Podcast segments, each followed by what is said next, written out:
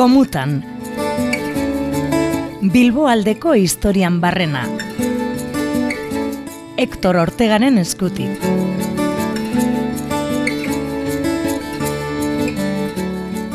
Amabi apostoluak Ibaizabaleko uretatik atea ziren. Horrela esan genezake, kezurrik esan barik.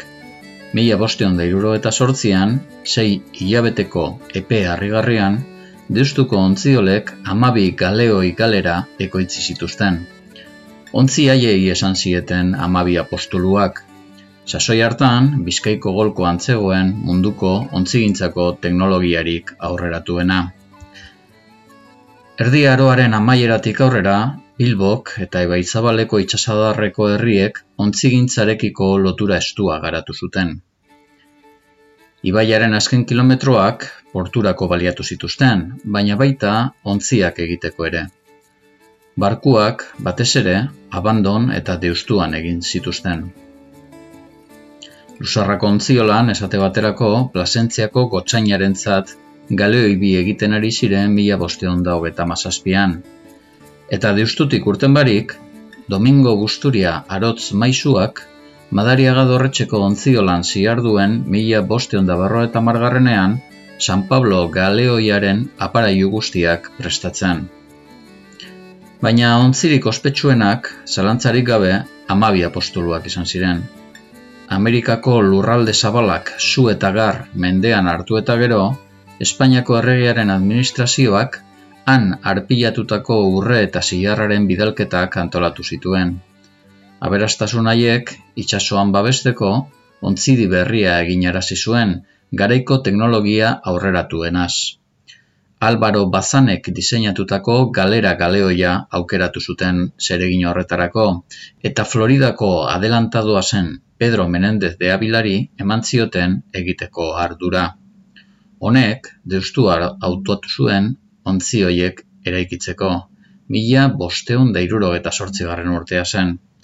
Sei hilabetetan egin nahi zituzten amabi ontziak. Bakoitzari, santu baten izena ipini ziotenez, amabi apostoluak esan zieten, galera galeoi haiei. Ontziok ziren oso handiak, berreunda barro eta martona gutxi gora bera, eta belaz nahi aurraunaz nabigatzeko gauza ziren.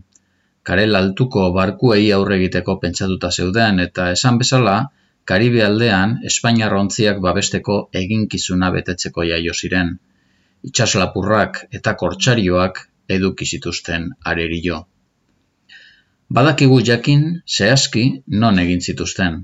Gaur egun, botika parkea dagoen lekuan.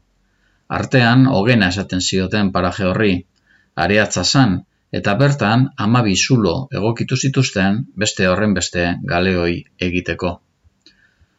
Urren urteetan ontzi gehiago egin zituzten bilboaldeko ontzioletan. Galeoitzar bi deustuan mila bosteon da iruro eta masazpian. Sei galeoi gehiago deustuan bertan mila bosteon da laro eta bederatzean. Galizia defendatu behar zituzten sortzi galeoiak mila zeireon da hogeta amazortzian. Luis Casado adituak nabarmendu duen bezala, Bizkaiko golkoan amazigarren mendean garatu zen ontzigintzarako teknologia eta gaitasuna munduko aurreratuena izan zen.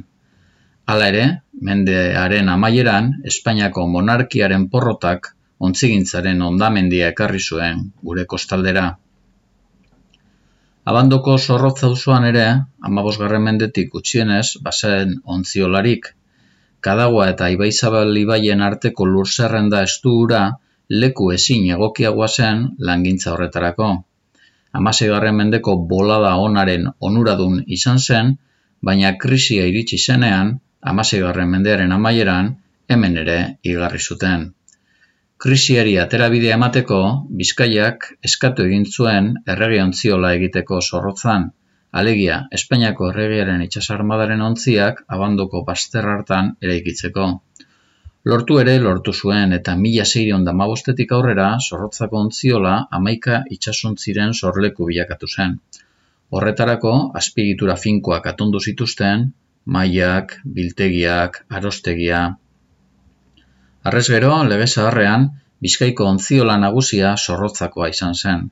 Hama mendean, are gehiago handitu zen bere garrantzia, Borbondar erregeek korreo ontziak bertan egiteko agindu eman zuten eta.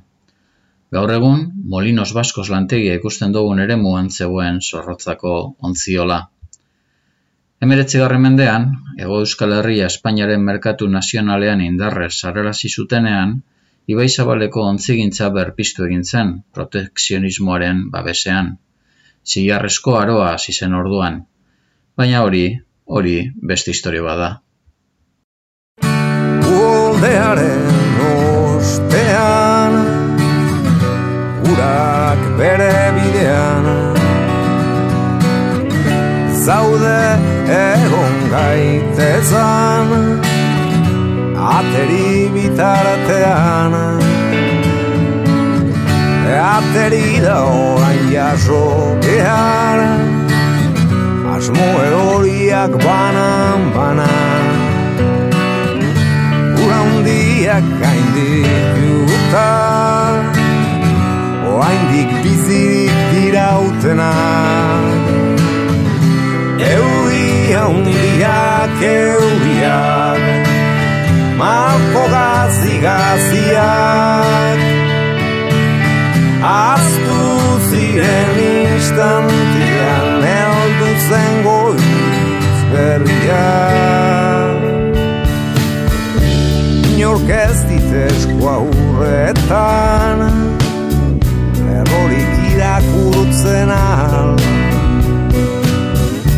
Nola bidetan ez dindan zeman Hene etxeak udena. Nahi ditut berriro bildu Baituran nitu